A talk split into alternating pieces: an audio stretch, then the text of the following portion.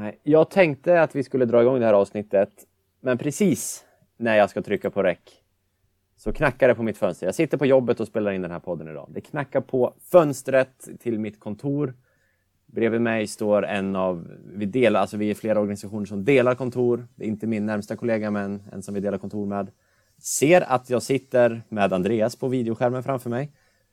Eh, I ett, vad som kan vara vilket av alla mina tusen videomöten jag har varje dag. Men trots att jag inte säger kom in eller någonting så kliver personen in, räcker upp en vissen blomma och frågar var ska jag slänga den här?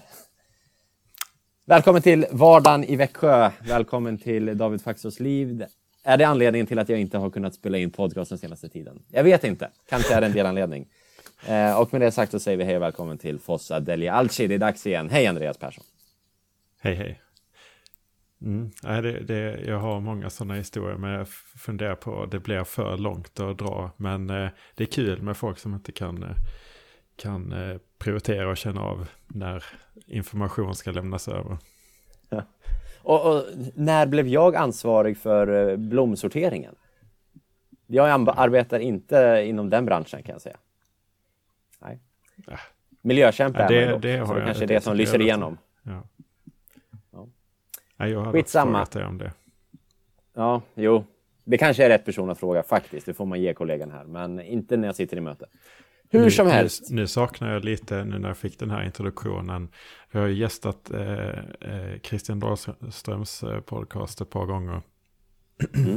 eh, nu, och han, han har börjat introducera mig som Il Dottore. Eh, det eh, jag saknar jag lite nu. Alltså såg, alltid... så du mitt, så, så du mitt smeknamn som jag tyckte myntade? Nej. Till dig? Nej, du fyllde ju 30 för inte allt för länge sedan. Grattis Nej. i efterskott Andreas och grattis i eten också. Ja, tack. tack. Uh, jag skickade ut en tweet via Fossa Deliarci Twitterkontot.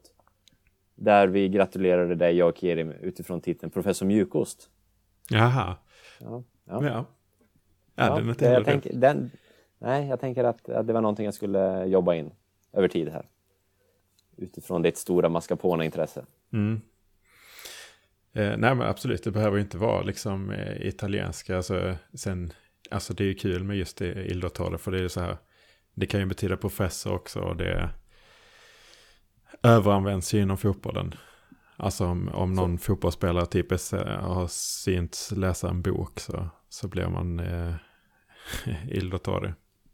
Sokrates ja, kallas Il Dottore, men han var ju faktiskt eh, läkare eh, och politiskt medveten och sådär. Så att eh, där finns det väl något slags fog för. Ja, det finns väl, Kilini har väl också den. Han har väl också pluggat någonting. Sen är det typ mm. Kulusevski som sa att han gillar att läsa romaner eller så här, eh, Biografier. Böcker. ja, det var något så här Mia Törnblom typ och sen bara fy fan ja. nu kör vi Il Dottore Kulusevski. Ja, precis. Ja. Ja, men... Nej, men Jaha, jag alltid... eh, alltid saknat det. Alltså typ folk så, så här, järnet, löken, alltså det kan vara vad som helst. Det är jävligt coolt. Giganten. Ja.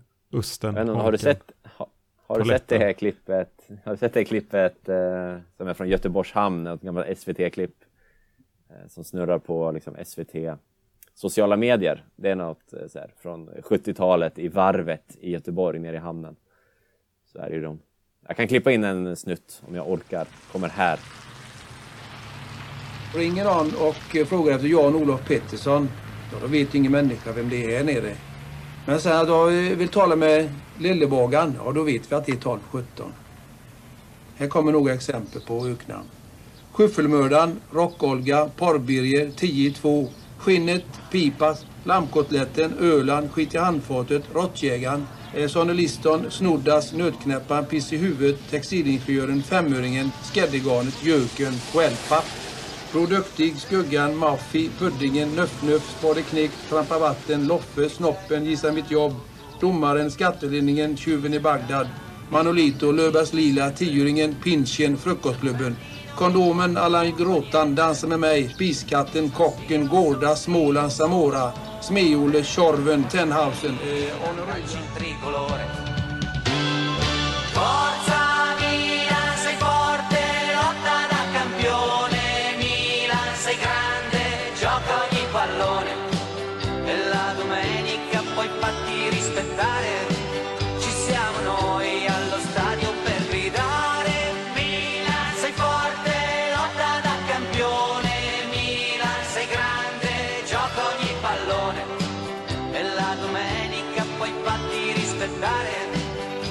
Eh, nog om det. Vi ska prata Milan är tanken och vi ska göra det. Vi ska prata Champions League som ju är mest aktuellt i nuläget. Vi ska prata om ligaspelet såklart. Vi har haft ett ganska prekärt och har ett ganska prekärt skadeläge.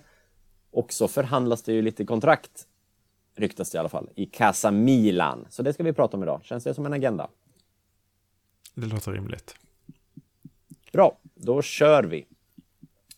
Och vi börjar där vi ganska nyligen ändå slutade. Champions League eh, spelades ju i tisdags. Vi mötte för första gången sen jag lärde känna den tidigare Fossa degli Alci-gästen Oliver Bologna. Han var med för sex år sedan eller någonting och pratade om portugisiska värvningar till Milan. Eh, han har blivit en av mina närmare vänner och eh, han håller ju på Porto, men Milan och Porto har inte mötts på sen 2004 tror jag, Supercupfinalen. Eh, eller 2003 när Milan vann CL och de vann Europa, eller Uefa-cupen. Så, men i tisdags var det dags och Zlatan sa att det var den sämsta matchen för säsongen eller sämsta matchen någonsin eller någonting sånt, sa han.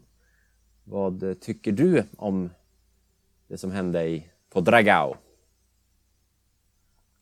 Det är definitivt den sämsta prestationen i, av Champions League-matcherna. Det tycker jag väl.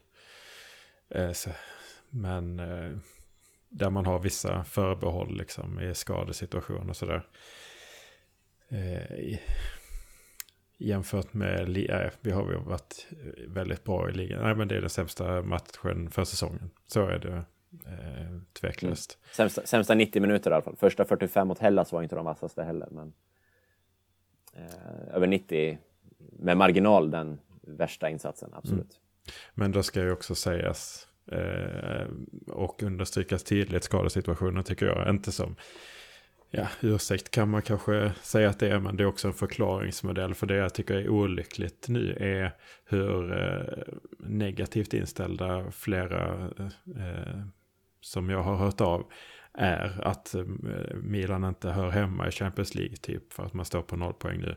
Tycker jag inte alls eh, är, är ett rimligt omdöme. Alltså,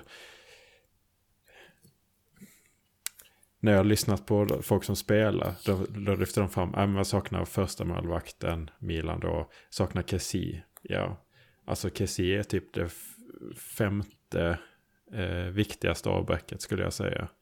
Eh, jag, jag håller Magnan som det största. Theo större. Eh, och, och Rebic håller också högt och Diaz. Eh, Diaz för att han är fundamental för spelet och inte har någon riktig ersättare. Framförallt inte när de som, som eh, är där nu inte är i form som Krunic. Eh, och Messias också är skadad. och sen så Rebic då med den form han har haft i början av säsongen. Det är, samtliga av dem är, är viktigare avbräck. Eh, och då har vi också Kessi som är en nyckelspelare för oss. Eh, absolut, så det är också ett avbräck. Men där har vi, han har inte varit sig själv riktigt. Eh, så att, Så är det. Så är det. det är väldigt många avbräck och trots det, nu ska man inte säga det för att Porto skapade mycket, många chanser. Eh, Hade de var ju 19, betydligt eh, bättre. 19 målchanser, tror jag, någon statistik. Hur man definierar målchans frågar mig Mm. inte. Men, eh, och Milan hade väl inte en handfull. Nej. Eh, men med det sagt så krävs det ändå ett regelvidrigt mål kan man väl säga för att, eh, för att vi ska förlora. Ja, ja. Så att eh, det, det har ju också varit, utöver skadorna så har ju också funnits andra marginaler som har gått mot oss. Ja, 50-50 situationerna, om vi får använda sådana begrepp. Jag hörde att de pratade om det i studion. Har väl inte gått med Milan i Champions. Jag Nej. tycker inte det är 50-50. Jag tycker det är en solklar frispark. Ja. När han, eh, anfallaren river ner Benazer. Alltså han tittar ju bara på Benazer, går bara på kropp. Sen hörde jag något argument för att ja, men det, han tar ju bollen sen. bollen typ landar på hans fot eller mellan hans Mm. fötter liksom när han ligger på marken efter att ha tacklat ner Benazer. Ja. Det kan ju inte få gå till så. Nej, Eh, och, och jag tar ju fullt ansvar för, för det såklart, för jag, jag var ju framme med jinxen eh, inför matchen. Eh, jag sa fan vad gött att vi får Felix Brysch, eller Brysch eller vad fan han heter, eh, efter den senaste insatsen från domaren vi hade, Sha- Shakir, Shakir eh, mot Atletico där. Men nej, tji fick jag. Det var en eh, match där jag var irriterad hela matchen mot Porto. Det är, det är jobbiga lag vi har i den här gruppen. Dels är alla väldigt spelskickliga, ganska intensiva allihopa också, men Porto, det var mycket filmningar. Han Diaz, som var en riktig superspelare när han väl stod upp, stod inte upp så ofta. Alltså det var fem, sex situationer där Brysch bara vi- vinkade upp honom. Kanske läge att ta fram eh, ostskivan någon gång. Eh, De spelade fult ibland. Liksom. Eh, Giroud fick väl ett gult kort för en stämpling. Sekvensen efter gjorde Porto en identisk grej. Om det var Pepe fick inte gult kort. Eh, Zlatan ska ha rött kort också, så det var väl lite åt bägge hållen. Så nej, den insatsen lämnar också mer att önska. Och det är surt att de två insatserna nu med väldigt stor sannolikhet delvis blir avgörande för Milans framtid i, Champions den här säsongen. Eh, jag har ju otroligt svårt att se att, att Milan ens tar en tredje plats nu. Liksom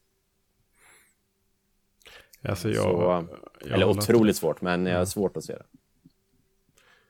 Ja, precis. Jo, det, det är klart det blir jätte, jättetufft. Sen eh, håller inte jag det för omöjligt med eh, samma anledning som tidigare.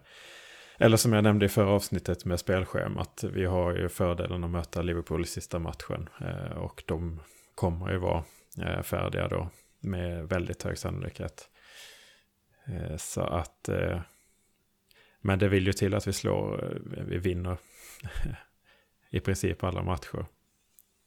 Och vinna mot Atletico borta när de faktiskt förmodligen kämpar kanske för en första plats till och med eller så. Eh, mm. Det blir tuff. Det blir spännande att se. För de möter ju varandra nu. Ja. Den matchen kommer ju bli jäkligt avgörande såklart. Också för Milans framtid. Matchen mellan Liverpool och Atletico. Ja, precis. För, de måste ju vinna Liverpool för vår del. Eh, Ja. Måste Liverpool gå rent fram till sista matchen och då eh, kan de ställa över hela laget i princip och så kan vi vinna den. Det är ju det hoppet vi får, får sätta eh, till det. Men jag tycker också man har sett nu när, visst Atletico mot oss var jätte, jättedåliga. De, har, ju- de ser mycket Ja, de starkare ut mot Liverpool. Så att förmodligen så kommer de ju komma igång. Eh, och det talar också mot oss. Men man tycker också man har sett hur den här gruppen utvecklar sig. Hur eh, väldigt otur vi hade med lottningen. Eh, för att de andra grupperna, visst man kunde prata om så här Bayern München, Barcelona. Alltså jag är rätt så bekväm med att vi hade slagit Barcelona över två matcher. Så som Barcelona ser ut nu. Så att eh, det fanns ganska få alternativ som var jobbigare. Visst, A är också riktigt kämpig. Men eh, ja, det, Ja, det var jätteoflyt vi hade med lottningen. Sen, eh, ja, vi kommer väl in på det här och framtiden får utvisa kanske senare avsnitt, men det kan ju bli en eh, blessing in disguise i brist på andra svenska motsvarande sägningar. Att, att Milan gör en Inter fjolåret, det vill säga ramlar ur Champions League tidigt och eh, kan fokusera helt på ligan. Eh, om, vi ska, om, om ligaspelet ska fortsätta som det gör. Ja, vi kommer in på ligaspelet, men som truppen ser ut nu och med det skadeläget och ska det fortsätta så så kommer det ju bli sjukt tufft att kombinera två fronter och skulle vi komma till eh, Europa League så blir det ju tufft igen. Och det var väl lite där Milan inte orkade förra året liksom. Så ja ja, just nu så jag vet ju hur viktiga Europapoängen är men jag är orolig för att Milan inte Nej, ni ska inte måla fan på väggen tidigt på säsongen och vi vet inte hur skadeläget uttrycker sig. Men eh, jag är inte taggad på Europa League just nu, det är väl det jag vill säga. Mm. Nej. Nej, men jag tycker om man ska eh, summera totalt hur det har sett ut Champions League nu när vi är halvvägs så, så eh, tycker jag verkligen att vi har stått upp bra eh, generellt. Eh, jag tycker att, att man har klarat det här testet och jag tycker att det är tråkigt att bilden blir att vi inte har gjort det hos vissa. För att jag tycker att det finns många anledningar att vara optimistisk eh, kring Milan nu. Verkligen eh, några få att vara pessimistisk. och det är framförallt skadesituation. Men, men eh, alltså vi, om man börjar eh, bara kort med Liverpool så såg det ju bedrövligt ut i första halvlek. Eh, det gjorde det ju verkligen, men det, jag tycker att skillnaderna i kvalitet förstärktes av flera faktorer. Det var det att vi mötte världens just nu bästa lag, tycker jag. Jag tycker att de är alltså, helt löjligt bra. Eh, jag var inne på att de tre engelska lagen kanske är tre bästa där med Chelsea City och, och Liverpool är överlägsna. Nu tycker jag kanske att eh, Chelsea till exempel imponerar inte på samma sätt. Men Liverpool är ju, är ju löjliga. Eh, det är ett jättebra lag. Det är på bortaplan. Det är liksom vår första match i Champions League för väldigt, väldigt många i laget. Typ alla skulle jag tro. Eh, I, i den ja. matchen. Ungefär. Kjär har väl spelat men... Ja, Kjär såklart. Eh, ja.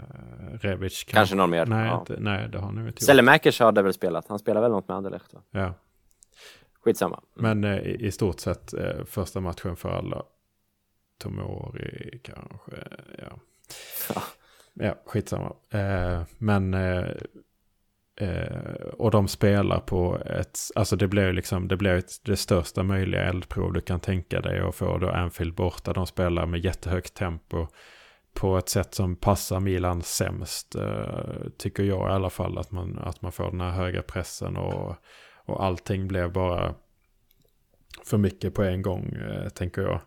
Eh, och, och, vi gör det dessutom utan till exempel Zlatan som man hade kunnat avlasta med och kunna slänga långbollar på och sådär.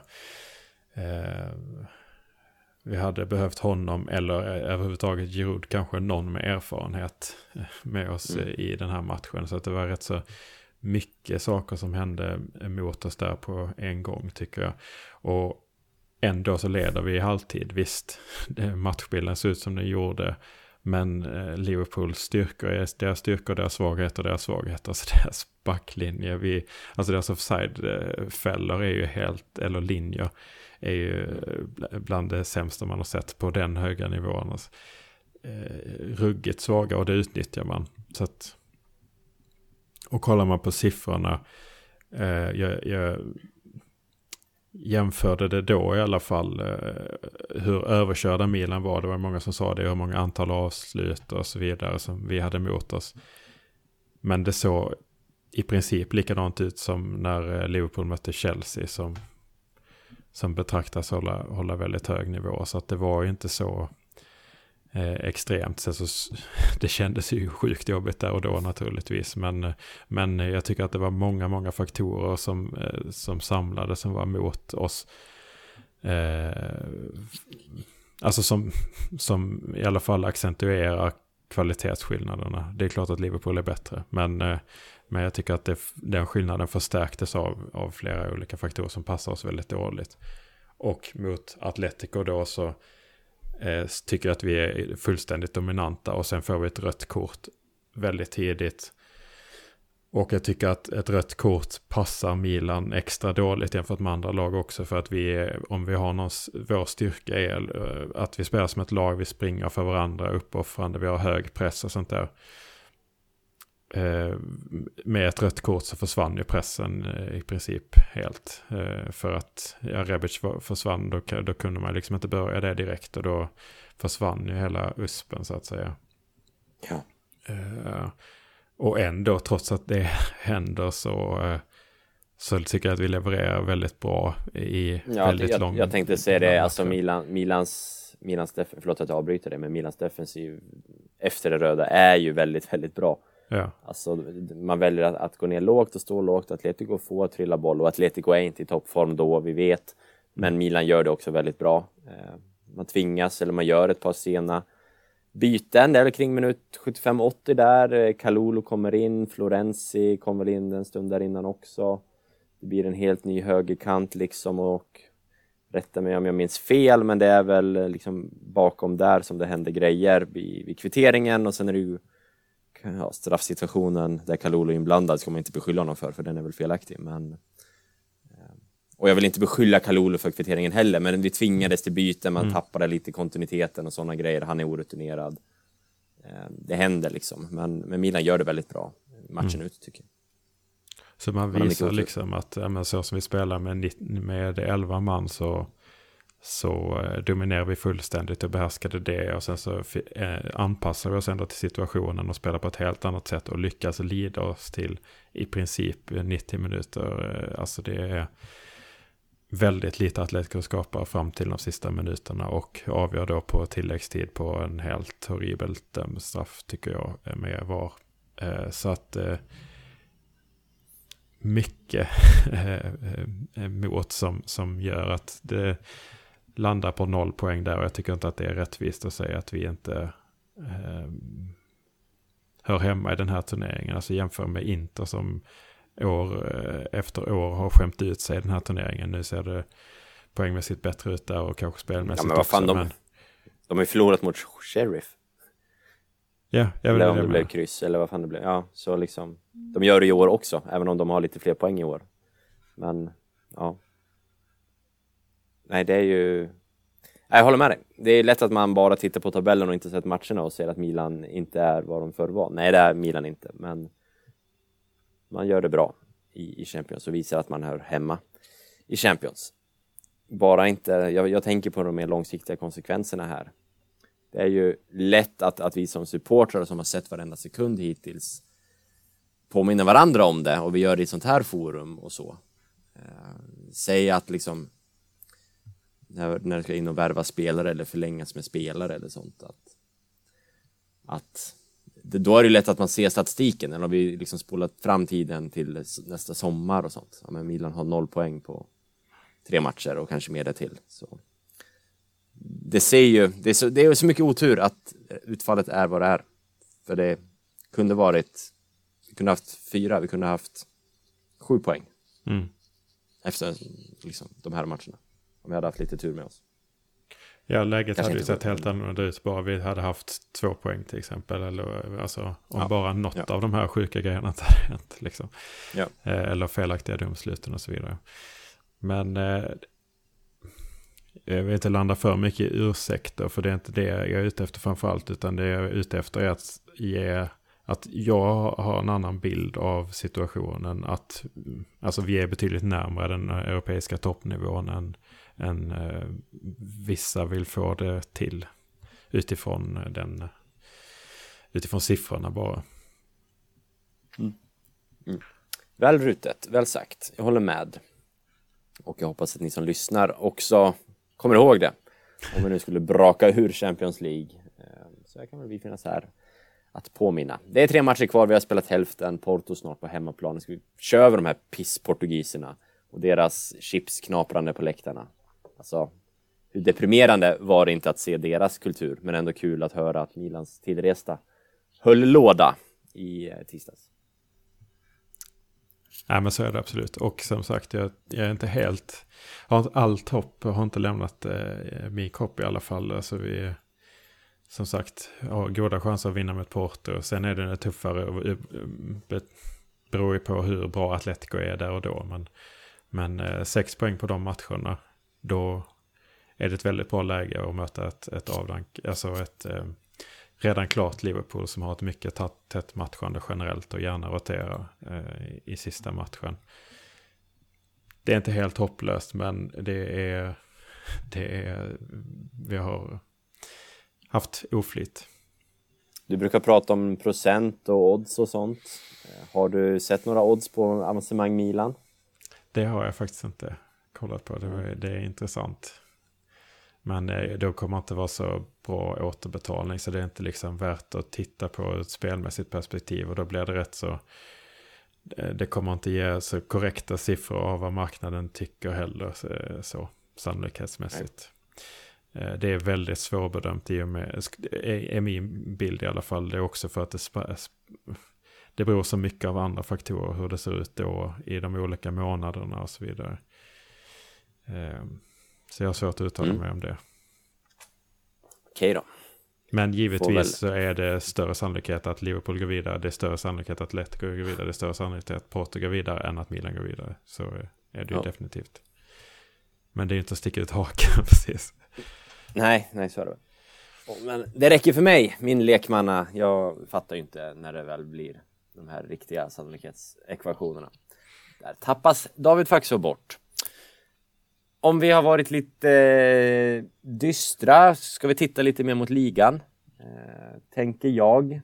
För där går det ju som tåget, får man väl ändå säga. Enda plumpen är ju mot Juve 1-1. Det kändes ju lite nedslagande så att, att tappa en poäng mot ett pissigt Juve. Men eh, så här efter, vad har vi spelat? 6-7 matcher, att vara obesegrade. Eh, känns väl bra, tycker jag. Ja, åtta matcher. Jag tror inte vi har gjort så här bra sedan någon gång på 90-talet då. Eh, Så här bra poängstart. Hur störd är du på att Napoli också är väldigt bra just nu?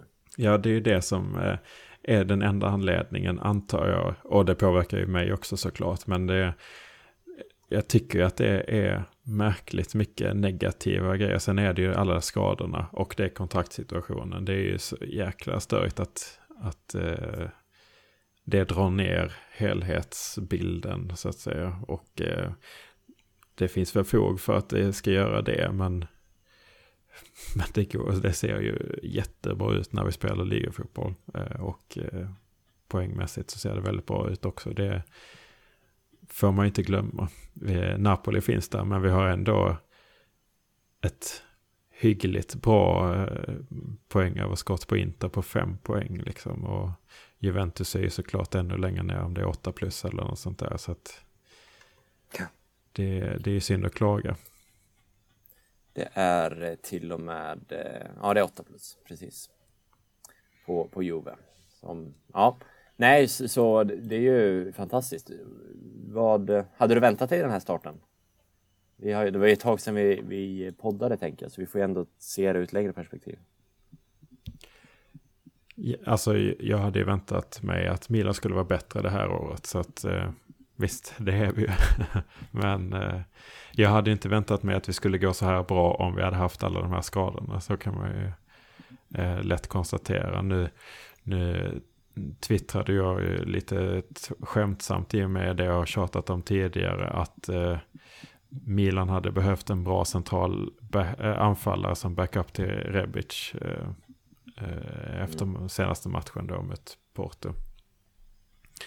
Men vi har ju haft utöver skadorna Giroud som helt som var fantastisk i bör- innan covid, inte alls bra efter om man ska hårdra det. Och Zlatan har inte gjort många minuter. Han har väl gjort eh, 45 minuter ungefär totalt i, i ligan och eh, visst ett mål men eh, han har ju inte varit bra heller och det, det är inte så konstigt när han har varit skadad klart men eh, Nej men Zlatan, Zlatan känns ju livrädd, tycker jag. Alltså jag, jag tror inte mycket på Zlatan den här säsongen. Eh, han känns rädd, han känns skör. Han vågar inte, orkar inte ta många maxlöp alltså. Eh, Giroud har väl, jag tycker inte, jag har läst flera som tycker att han har varit väldigt dålig och att mot Hellas att han skulle varit bedrövlig eller mot, mot Porto också. Tycker ändå han gör det helt okej. Det är kanske bara jag som är ovan att ha en sån typ av anfallare där uppe. Zlatan är ju ändå någonting annat ändå. Eh, som vill ha mycket boll hela tiden. Giroud stångas mest, springer mest. Vinner mycket närkamper, eh, tar emot en del bollar felvänd och sådana grejer. Tycker ändå han har gjort helt okej och sen har han tre ligamål. eh, På inte så många matcher. Ändå, jag tycker han är godkänd hittills, Giroud. Mm. Absolut. Men jag tror, jag tror bara att det är många milanister som är ovana att se en sån typ av spelare. Jag vet inte, jag har inte sett jättemycket Chelsea eller Arsenal eller vad han nu har varit de senaste åren, men eh, jag vet inte vad man förväntar sig. Han har gjort sina mål när han har spelat och han ser ganska bra ut felvänd. Han är ju inte den som bygger spel liksom. Han är inte den typen av fotbollsspelare. Så jag är nöjd med Giroud. Jag är inte så nöjd med Zlatan. Nej, men jag det, har mycket, mycket högre krav på honom. Nej, Ja, men det eh, köper jag absolut. Och det blir ju också eh, ett helt annat spel. Och då är frågan om man ens, alltså så som det har sett ut nu, ska Giroud spela? Eller ska, ska Zlatan spela utifrån hur bra Rebic faktiskt är? Alltså, eh, det ser ju väldigt rörligt ut och väldigt eh, roligt ut och när Rebic spelar där framme. Det blir ju såklart ett helt annat spel och, och då rör sig alla de offensiva spelarna på ett helt annat sätt. Så att, eh, Och det, det är lätt Alltså- annars alltså, att man kan säga men då skickar vi ner Rebic på vänsterkanten. Men där finns ju Rafa Leao som kanske Mm. enligt mig har varit den allra bästa hela den här säsongsinledningen. Mm. Så han ska vi inte flytta på heller. Så vi har ju, jag vill ju få in Rebic, jag vill få in Leao och gärna en av Zlatan och Giroud på planen samtidigt. Mm. Och det är en ek- ekvation som gör Milans 11 väldigt offensiv. Eh, Man har ju, var det senast man spelade 4-4-2 med Leao som vänsterytter liksom. Det, man kan ju inte starta en match så. Det går ju inte. nej. Alltså jag har inte så stort behov av det, av det argumentet som jag hade förra avsnittet tror jag. Med, med att ha så många startspelare. Eh, eller ha många av kvaliteten som startspelare. Det är klart att man fortfarande har bara 11. Men att ha 15, 16 eh, spelare som är riktigt, riktigt bra. Som kan spela. För det är inte sådär jättestor skillnad på att spela 60, första 55 minuterna kanske och sen spela de sista 35 plus tillägg som man gör som inhoppare när matchen avgörs. Så att eh, det är... Jag har inte så stor, stort problem med att vissa hoppar in från bänk. Eh, utan jag ser det som en väldigt stor styrka och det var ju det som var mycket, mitt argument till att mina skulle gå bättre. Att vi har breddat truppen. Ja man vill ju inte veta hur det hade sett ut om vi inte hade breddat truppen med det här skadeläget. Nej, vi ser ju lite nu vad som händer på trekvartista-positionen. Där det väl vi inte har breddat tydligt. Nej. Eh, och det såg ju inte bra ut här senast. Även om Kronic verkar ha en eh, ty... Alltså jag, jag tycker jag kan se mönster i att han... Alltså hans inhopp mot Hellas är ju bra till exempel. Ja. Han är ju betydligt hellre honom än Maldini där, men han är ju inte tekniker liksom. Och Porto var ju ganska begränsad. Ja, det märks ju mer i, i Champions League. Sen eh, tror jag mycket på Pioli och han eh, lyfter ju fram Kronic tillsammans med Leao och tillsammans med Tonali. Att ja, men de här spelarna har tagit kliv rejält eh, från förra säsongen. Eh, sen är det ju synd att han, han eh, åkte på skada. Va? Så att... Eh, eh, eller var det covid? Nu minns jag inte. Men han var ju borta. Nej, han skadad med skadad var det, just landslaget det. va? Just det, med landslaget. Det var det. Eh, så jag, jag tycker eh, att det finns hyfsad, men det är också oflytt för att han är inte tillbaks 100% i, i matchform. Krunic, Diaz är borta och Messias är borta. Så att det är, det är lite som på ytterbacken eh, med eh, Kalulu. Han är ju trots allt ett tredje val och för ett tredje val så är han ju riktigt bra. Eh, Ja. För man ska ju komma ihåg att Florence är också finns där. Han är också skadad. ja, opererad till och med va? Ja, Så han Så- blir borta ett tag till. Mm så, så att jag tycker att vi har en imponerande bredd på alla positioner eh, egentligen. Sen det är klart man hade velat ha lite mer kanske på, på centralt offensivt. Men det pratade vi om innan. Eh, ska vi ta en, en skadefråga, breddfråga, trupp, startelva-fråga? Eh, när jag ändå har en top of mind så här. Målvaktssituationen. Där eh, du eh, har uttryckt en stor oro. Vad händer antingen om Mainan får en dålig start, vilket han inte fick. Han har fått en superbra start, kan vi nog alla vara överens om. Eh, men nu kommer istället skadan och in kommer den gänglige rumänen Tata Show. Eh, och du har ju uttryckt att du inte tycker att han är tillräckligt bra, att det inte skulle kännas bra, att han är liksom alternativet.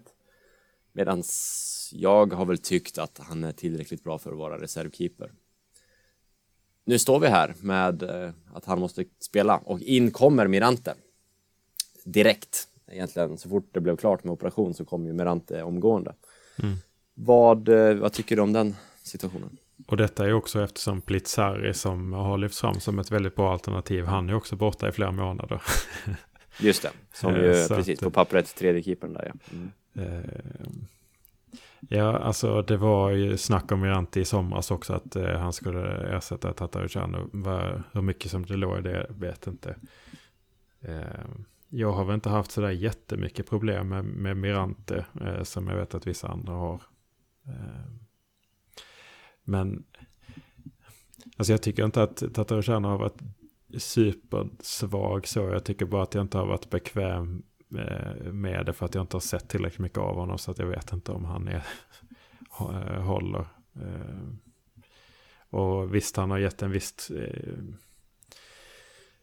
Det är inte alls samma trygghet som när den där pizzakillen har stått. Men, men det är ju svårt att lasta. Alltså det är ingen målvaktstavla vi har fått säga än så länge direkt. Alltså, kanske knappt något mål som vi har fått emot oss som en målvakt borde ta.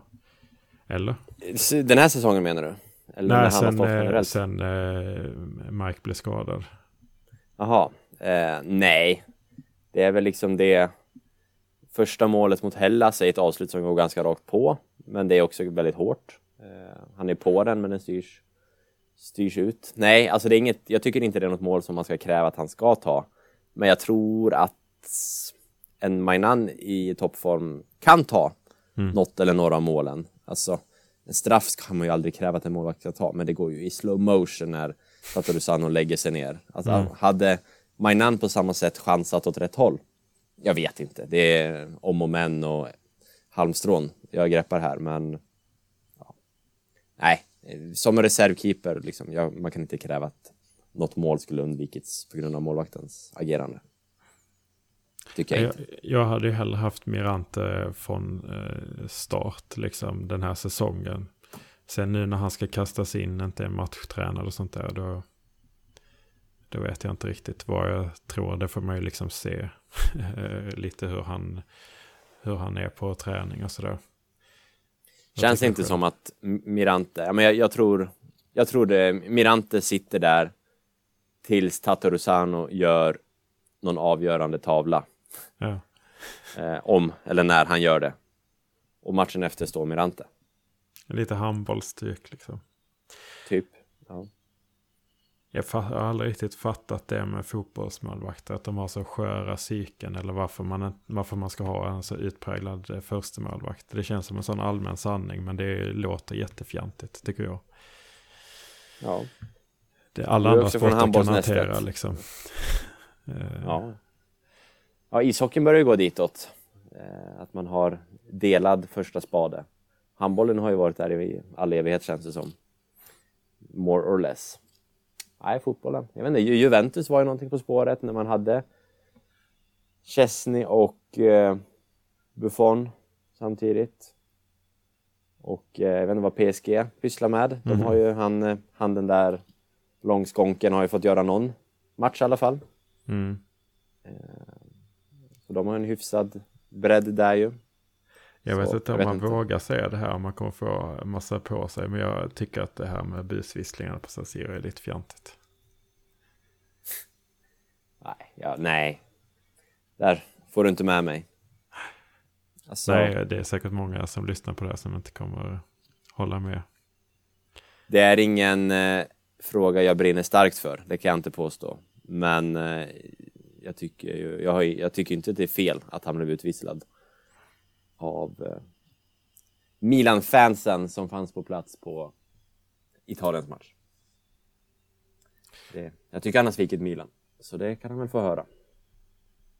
Mm. Ja, jag, jag tycker det är konstigt. Alltså om jag hade satt mig in i någon som har vunnit eh, EM till en precis eh, till ens landslag och sen så eh, det är ju väldigt mycket hur saker har skett. Alltså jag hatar ju Raiola och hela den biten. Det, det fattar ju alla men eh, det är ju trots allt så att han inte förlänger ett kontrakt. Det är ju det som är konsekvensen. Alltså det finns ju finns ju värre saker som folk har gjort.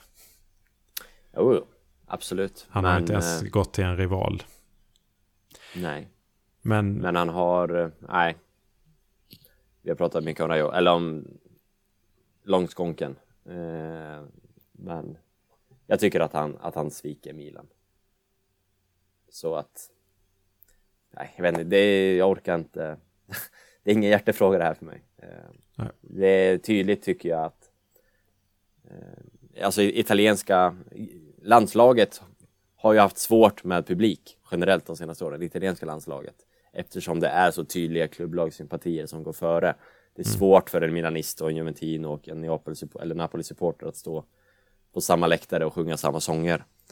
Eh, sen är det klart att det blir annorlunda när det faktiskt vinns eh, titlar med landslaget. Att det förbrödrar på något vis. Men eh, det här är ju inga nyheter att klubblagen går före landslagen i Italien. Liksom. Och första gången han återvände till San Siro. Eh, Säg att han spelar landskamp där igen. Jag vet inte riktigt hur deras schema ser ut, men det kändes också lite som en grej. Så här. Välkommen tillbaka. Det var banderoller över floden där eller över vägen eller vad det var och, och så. Så jag tror det kan ebba ut lite. Jag tror inte det är något permanent över tid. Utan det var mer en, en välkom, välkommen tillbaka. Dra åt helvete. Vi har inte Ja, glömt. precis. Alltså alla har ju rätt att känna och göra som de vill naturligtvis. Det är bara det att jag inte känner likadant. Nej. Och jag tror nästan att det är mer kraftfullt att, nej det kanske inte är. Men jag väljer att förhålla mig till att jag inte bryr mig eh, om de spelarna som...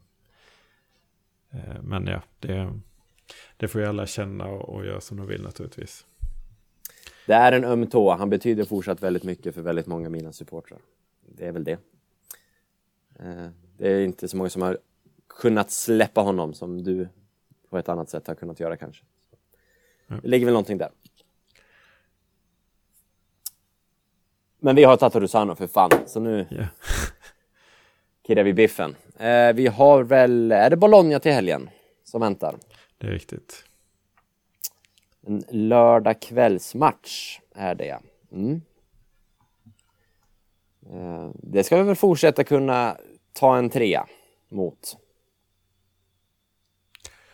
Det får man väl utgå ifrån. Jag håller ju Bologna i och för sig som ett bra lag sett till vad de har presterat. De har ju väldigt bra spelare. Men, eh, men det får man väl räkna med. Och Läste sätta ytterligare press för att det är ju andra toppmatcher. Det är ju en söndag, fotbollssöndag som eh, få har skådat. Är det den söndagen som du flaggade för för några veckor sedan? Exakt. Oh, Och det är ju så jag oss, förhåller mig ge oss saker. söndagen. Ge oss söndagen. Ja men det är ju, visst det är en del allsvenska matcher också men det kanske inte ser allmänheten och sen är det ju, det är klassiker, det är Man United, Liverpool, det är Marseille, PSG, det är framförallt då i Italien Inter mot Juventus och det är Roma mot Napoli. Så det är ju, eh, i och med att jag alltid kollar på fotboll på söndagar så eh, kommer det bli extra mycket den här helgen. Så den har man ju haft Ja. koll på i ett par veckor i förväg, skrivit in i kalendern. Ja, jag är utzonad. Jag... Ja, du, du skrev om det här för någon vecka sedan, men jag har ju inte skrivit upp det. Så det, det blir ju... Jag ska vara glad om jag får se 90 minuter Milan i helgen. Det kan vi konstatera. Eller om jag Ja. får ihop det. Jag kommer se matchen, men frågan är om jag kommer se det live. Ja, det är prioriteringar. Ja. Det, det, jag kan ju säga det när vi ändå pratar om det. En anledning till att, att det var ett tag sedan vi poddade, det inte kommer ut mycket. Så jag vet inte om vi pratade om det sist, men jag har köpt hus och det är en total renovering just nu, vilket tar betydligt mer tid och energi än vad jag hade väntat mig. Eh, det går framåt, så jag hoppas att det kan bli mer älgen framöver. För det är inga andra anledningar än den. Det är tids och energibrist. Rakt av just nu. Det har ju varit älgjakt också, så då får man ju Ja, ligga lågt. så är det. Så är det. Nej, men eh, så är det. Och det, vi hade ju gärna kört eh, oftare, speciellt när det går bra, så vill, känner jag att då vill man ju snacka mer. Det är, intresset är ju stort och det är för att eh, lyssna generellt och det är kul att, att tänka extra mycket på Milan när det går bra. Då får ju alla, alla oss som mår bättre. Så det hade ju varit, hade vi gärna gjort. Eh, och då eh, tycker jag också vi får eh, dra upp, jag såg det i efterhand för att jag inte är inne på Swish så ofta, men då hade vi fått en Swish inte i samband med ett avsnitt eller så, utan bara eh, det kom en swish från, från Oskar Fredriksson som bara kör, ja men kan inte köra ett nytt avsnitt liksom. ja, den är fin. Så den är, Den är- den är väldigt fin. Då känner man ju också Ja, en den pushade ju på. Den, ja, men den pushade ju på det här lite. Alltså, nu gör vi det här på min arbetstid, så jag nyttjar ju en komptimme eller två för att få ihop det här. Men det, det, det gör jag så gärna när, det, när ni faktiskt efterfrågar det och man vet att ni uppskattar det. Så det betyder jättemycket. Så tack för det, Oskar, och för er andra som, som bidragit med swisher, men även liksom bara positiva tillrop. Det, det betyder jättemycket. Så tack för det. Ja, och nu när jag har sagt det så vill jag också tacka de andra som har swishat. Det kan jag inte göra. Ja, gör det. Från förra Alltså. avsnittet. Det Ja, är ju låt, eh, låt höra. Daniel Fredriksson, eh, också Är de Magnus bröder? Är det en... Eh, Det är, förlåt, du, du, får, du får ta om namnen. Har vi eh, Fredriksson-bröder här? Som jag har missat helt. Eh, ja, det är... Återkoppla familjen Det Fredriksson om det är så. Mm. Förlåt, börja om med namnen. Eh, men, eh, det är Oskar och Daniel Fredriksson då. Och sen är det Magnus Danielsson samt vår vän Playboy di Milano, Johan Ottosson. Oj, oj, oj. Karlstads finest. Ja. Johan Ottosson. Ja, kul. Eh, Så eh, ett särskilt tack till er också då. Verkligen. Jättetack. Bug och bock. Nu, nu ska jag klippa in alla smeknamn från varvet i Göteborg. Eh, jag känner det, att jag, jag vill lägga den extra lilla handpåläggningen på det här avsnittet för att det ska bli topp. Kanske klipper jag in det igen här. Skyffelmördaren, Rock-Olga, Porrbirger, 10-2, Skinnet, Pipas, Lammkotletten, Öland, Skit i handfatet, Råttjägaren, eh, Sonny Liston, Snoddas, Nötknäpparen, Piss i huvudet, Textilingenjören, Femöringen, Skäddegarnet, Jöken, Wellpapp. Produktig, Skuggan, Maffi, Puddingen, Bara för att sätta press på mig själv. Eh, där fick ni några smeknamn igen. Eh, jag tänkte vi skulle runda det här avsnittet, Andreas, med att bara titta på Maldini och Massaras lilla spåkula, om vi ska använda tutto balutto lingo. Eh, eller inte spåkula, men det förhandlas eh, kontrakt. Man tänker för framtiden. Alexis skokrämen Selemäkers har förlängt. 2026, reaktion på det? Har du en sån? Det är väl bra. det är uppgivet och också- rycker på axlarna. Det, det är ju också så att jag fick nys om detta först när du skrev kontraktet, skrev, eller du skrev en sån där kontraktsförlängning eller sånt där med stora bokstäver. Kontraktskrivning klart, typ. Mm. Ja, och då såg jag det och sen så såg jag att det var Sellemakers. Det var ju inte, det var inte överst på min eh, önskelista. Men det är klart, det är, alla förlängningar är positiva. Det är ju en värdeökning på den belgaren som förmodligen är ganska bra. Så det är Mm. väl bra att man knyter honom till sig. Eh, det har även här i dagarna pratats om eh, både Benazer och Theo Hernandez har jag sett. Eh, inga superkonkreta uppgifter så jag vet inte om vi behöver säga mer än så men det är väl positivt att det känns ju som Lexa är lite lärd, tycker jag. Det är, min, liksom, det är väl min kommentar på, på de två ryktena. Sen har man lyckats i en annan femma, men båda de har ju en ganska låg lön just nu. Ja. Benazer och Theo. Ja, verkligen. Annars- Och det, det är ju som eh, också vi har varit inne på nu med eh, Kessie, visst. Eh, eh, det var också en grej som jag inte tog upp i Champions League än, men jag tyckte att om, man så, om det är någonting, jag tyckte att hela Milan, alla delar av föreningen på, Eh, på, på plan och så vidare har liksom visat att vi har hemma i Champions League. Är det någon som inte klarade den uppsteppningen eller märktes tydligast på så tyckte jag nästan det var, eller så tycker jag att det är Kessie, tveklöst. Eh, eh, det röda kortet det är jättehårt, men alltså om man ser honom mot Liverpool, det var inte... Det var... Eh, man kände inte igen honom alls. Och, och, och på flera olika sätt tycker jag. Dels var han inte bra, men också att han var stressad till exempel. Han skrek på Benazer och han verkade helt uppjagad. Jag har aldrig sett honom så tidigare. oavsett vilken situation det är, om man ska slå en straff eller något sånt där. Han ser ju alltid låg ut, han ser alltid lugn ut och det har beskrivits som en av hans styrkor av eh, Pioli, liksom vilken, vilken personlighet han har. Eh, det var som att säga en helt annan spelare. Eh, med det sagt, det var inte det, därför jag kommer att tänka på Cassini nu, men det är också att hans eh, prestationer, jag kopplade till, till kontraktssituationen också, att han, han presterar inte lika bra nu för att Visst, han är säkert trött också för att spela hur länge som helst i alla möjliga turneringar. Men jag tror att kontaktsituationen tynger honom. Ja, Nej, vi får se var, var den landar. Det verkar ju stå still. När Maldini får frågan så säger han ju faktiskt att det står still just mm. nu. Att man avvaktar varandra och det känns väl som en... Jag vet inte om det är till Milans fördel i det anseendet att han inte presterar. Liksom... Nej. Tal, nej, det, jag vet inte. Kontraktspsykologin mellan agenterna där, eller agent och ledning. Oklart. Men eh, noterbart är att han är påverkad av bland annat det tror jag också. man Sen... Inte... Eh, kör. Man ska inte missa det, liksom, eh, eller tycker jag i alla fall, kring just kontraktssituationen. Vi sa samma sak, eller jag pratade om det förra säsongen, då var det Hackan som påverkades väldigt mycket eh, av det. Eh, tyckte jag, i alla fall i slutet av säsongen. Och som man ska, ska jag för andra gången eh, detta avsnitt då typ halvförsvarar Donnarumma eh, så eh, märktes inte alls på honom. Alltså han var ju väldigt professionell och levererade ju jäkligt bra i slutet av säsongen trots eh, sin kontraktssituation. Men det kan man ju liksom inte som ledning lita på att en spelare ska steppa upp i och det var ju skakigt även där när han liksom gråter när han konfronteras av eh, supportrar och sådär. Det hade kunnat ta svänga åt vilket håll som helst och nu finns det fans på läktarna också. Ja, precis. Eh, precis. Men visst, jag tycker inte att Romagnoli ser så påverkad av det. Eh, så att, eh, Nej, det, för det, han har väl ändå...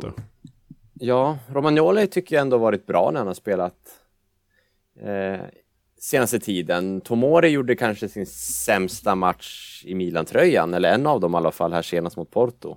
Där var han ju bokstavligen svag, tycker jag. Jag tyckte han var dålig och blev utbytt också. Ganska rättmätigt. Tog ett tidigt gult och såg svaj ut, Tomori. Så Romagnoli in och fan, jag hoppas att han stannar. Men eh, mm. ryktet i den situationen sen vi poddade sist var är väl att han har erbjudits ett halve, en halverad lön.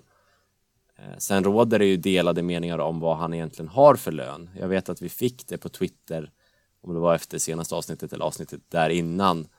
Eh, liksom Gazettans uppgifter är väl att han har, är det 3,5 miljon euro per år eller 3 eller medan det finns andra uppgifter som säger i princip det dubbla. Eh, så ja, men ändå en halverad lön är ju ett statement oavsett vad han sitter på idag. Exakt, det, det, det som gäller där är ju, det som alltid har stått på Romagnoli är 3,5 miljon euro per år netto som Gazettan alltid har kört. Men det det då snackas om är att man ska ha skrivit ett kontrakt med honom som innebär att han hela tiden höjer sin lön för varje år. Att han har det inskrivet i kontraktet, en successiv löneförhöjning. Och att han då nu sitter på 5,5. Och då är det den här situationen som är väldigt jobbig för italienare. Eh, men jag tycker inte att man kan satsa på den rakt ut. Det är ju det här som vi har pratat om i olika sammanhang. Dekret, dekret och crescita som är det här skatteavdraget för om man plockar in eh, utlänningar. Eh, om, om utlänningar flyttar till Italien och jobbar i två år upp till fem år. Då betalar man 50% av skatten.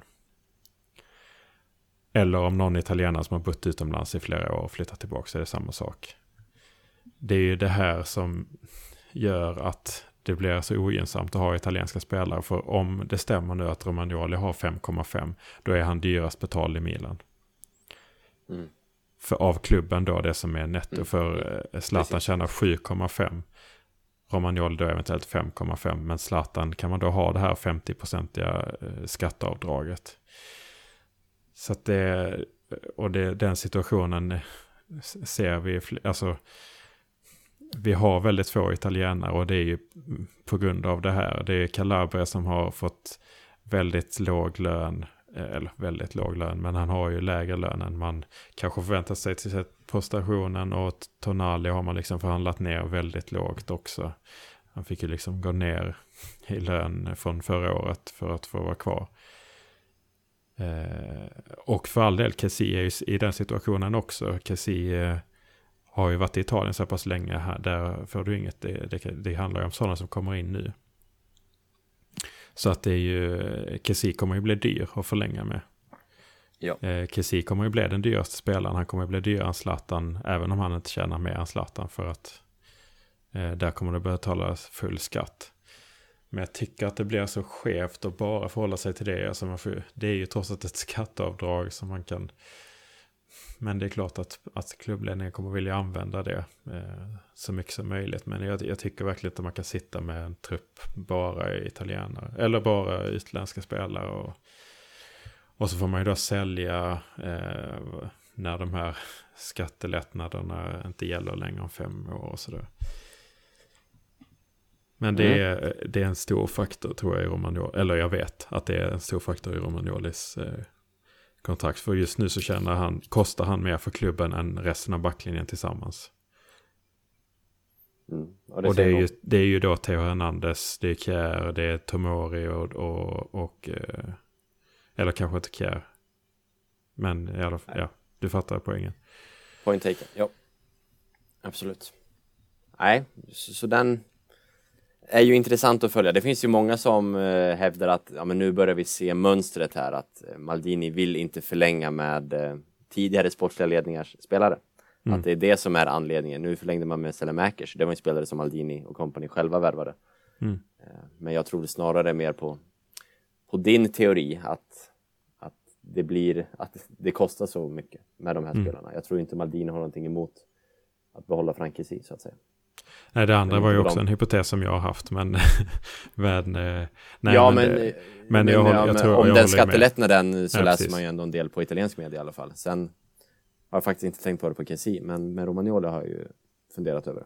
Ja, nej men absolut det och att eh, det är Raiola. Eh, det, fanns, det kom ju upp ett rykte där om att Romagnoli kunde tänka sig, eller eh, kunde tänka sig att skeppa Raiola för att få stanna i Milan. Det hade ju gjort mig ja, näst, alltså jag skulle typ, jag, jag skulle nog säga att det hade gjort mig ännu mer glad än om Kessie stannade. Om Romagnoli stannade och skeppade Raiola.